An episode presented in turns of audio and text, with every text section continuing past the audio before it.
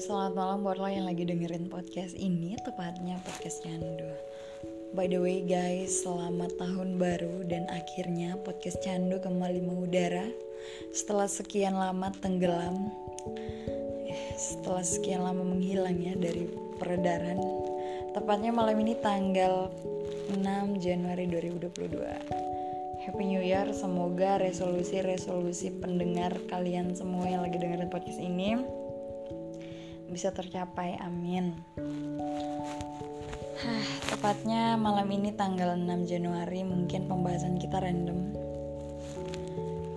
Uh, ada satu kutipan bukan kutipan sih kayak keresahan kebanyakan orang. Keresahan. Iya karena keresahan kebanyakan orang. Yang gue beri judul uh, sebenarnya bersama dengan orang yang sebelumnya punya hubungan yang lama dengan masa lalunya itu benar atau salah? Mantap. Oke. Jadi yang kita akan bahas malam ini adalah terkait kalian semua yang mungkin saat ini sedang menjalani hubungan di mana pasangan kalian saat ini sebelumnya punya hubungan yang cukup lama dengan mantannya sangat-sangat meresahkan juga ya kan? Bukan meresahkan di di mana ya kayak pokoknya mengganggu pikiran aja kalau ditahu kayak hubungan sebelumnya dengan mantannya berapa lama mas? Berapa lama kak? Hmm, 8 tahun. Itu kayak tercengang. 8 tahun dan bisa putus. Meskipun memang tidak ada yang pernah tahu roda kehidupan dan juga roda percintaan layaknya percintaan pasang surut. Tidak semua orang berhasil survive di dunia percintaan. Tidak semua orang seberuntung orang lain di dunia percintaan. Ada memang yang menjalin hubungan hanya bertahan satu minggu, dua minggu bahkan atau kurang lebih maksimal satu bulan, satu tahun namanya roda percintaan seperti itu tapi menurut gue dari semua kisah yang terjadi entah itu hubungan yang terjalin satu dua atau tiga tahun empat ke depan pasti ada banyak pelajaran yang bisa diambil dari kisah itu dan kembali lagi Tuhan kasih cobaan pasti ada banyak berkah di balik itu semua. So Pertanyaannya adalah tindakan apa yang harus kita ambil atau apa yang harus kita lakukan jika kita sedang menjalani hubungan seperti itu. Pertama, kita itu hanya manusia biasa. Pemikiran apa ya? Terus uh, cerita atau andai-andai yang kita buat itu tidak akan mungkin sama dengan skenario nya Tuhan. Jadi di sini jelas sekali jawabannya adalah jalani saja. Karena kita tidak pernah tahu garis finishnya seperti apa. Mungkin yang menjadi keresahan nih, mungkin banyak teman-teman yang gagal dalam hubungan itu dan kalian mendengarkan curhatan cerita mereka dan kalian menjadikan itu sebagai patokan. Kayak oh iya ya benar. Mungkin memang su sudah sudah kuadratnya atau kayak memang tidak akan pernah survive kalau punya hubungan dengan orang yang sebelumnya hubungan dengan orang yang punya hubungan lama sebelum sama exnya. Tidak sih sebenarnya karena garis takdir, garis jalan hidup setiap orang beda-beda. Mungkin dia digaris digariskan Tuhan seperti itu dan kita kita tidak pernah tahu seperti apa. Jadi memang jalani saja.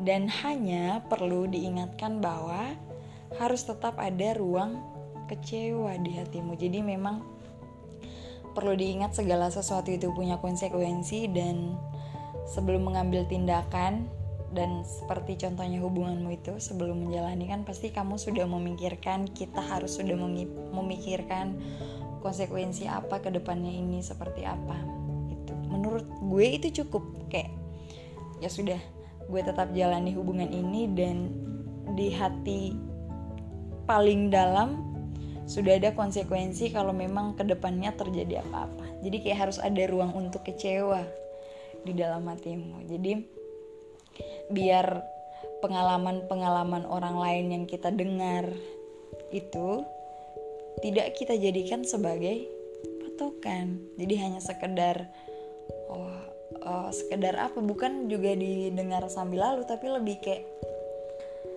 oke okay, mungkin lebih menjaga-jaga waspada seperti itu. Tapi kesalahan terbesar sebenarnya eh, rata-rata uh, kita selalu berpatokan pada pengalaman orang lain. Itu salah sih sebenarnya. Orang lain ya orang lain punya garis hidup yang berbeda garis takdir yang berbeda. Kan kita kan juga beda. Lo sama gue kayak kamu mungkin punya rambut panjang saya punya rambut pendek. Dari situ kan sudah beda jadi tidak mungkin garis takdir kita sama. Jadi intinya adalah jalani saja tapi memang harus ada ruang kecewa di hati. Dan pengalaman-pengalaman orang lain itu jangan dijadikan sebagai patokan. Itu sebagai uh, uh, bahan apa ya kayak buat mawas diri. Jadi bisa agar lebih waspada ke depannya. Mungkin ada tindakan dia yang salah dan kamu bisa memperbaiki itu. Itu aja sih menurut gue. Jadi memang uh, mengapa saya bilang tidak bisa dijadikan patokan? Karena di luar sana sudah banyak bukti nyata yang pada akhirnya survive dalam hubungan itu. Kan? Iya. Jadi memang tidak ada yang pernah tahu skenario Tuhan seperti apa. Jadi memang jalani saja. Meskipun memang ada juga dari mereka yang gagal. Itu kembali lagi memang tidak pernah tahu itu mereka. Dan ketika kita sudah siapkan misalnya ruang kecewa dan pada akhirnya tidak sesuai dengan yang kita harapkan ingat pemegang kendali terbesar adalah diri kita sendiri. Sebelumnya kita sudah pernah memikirkan konsekuensi apa yang terjadi dan setelah itu terjadi semoga kita bisa mengendalikan diri sebaik mungkin.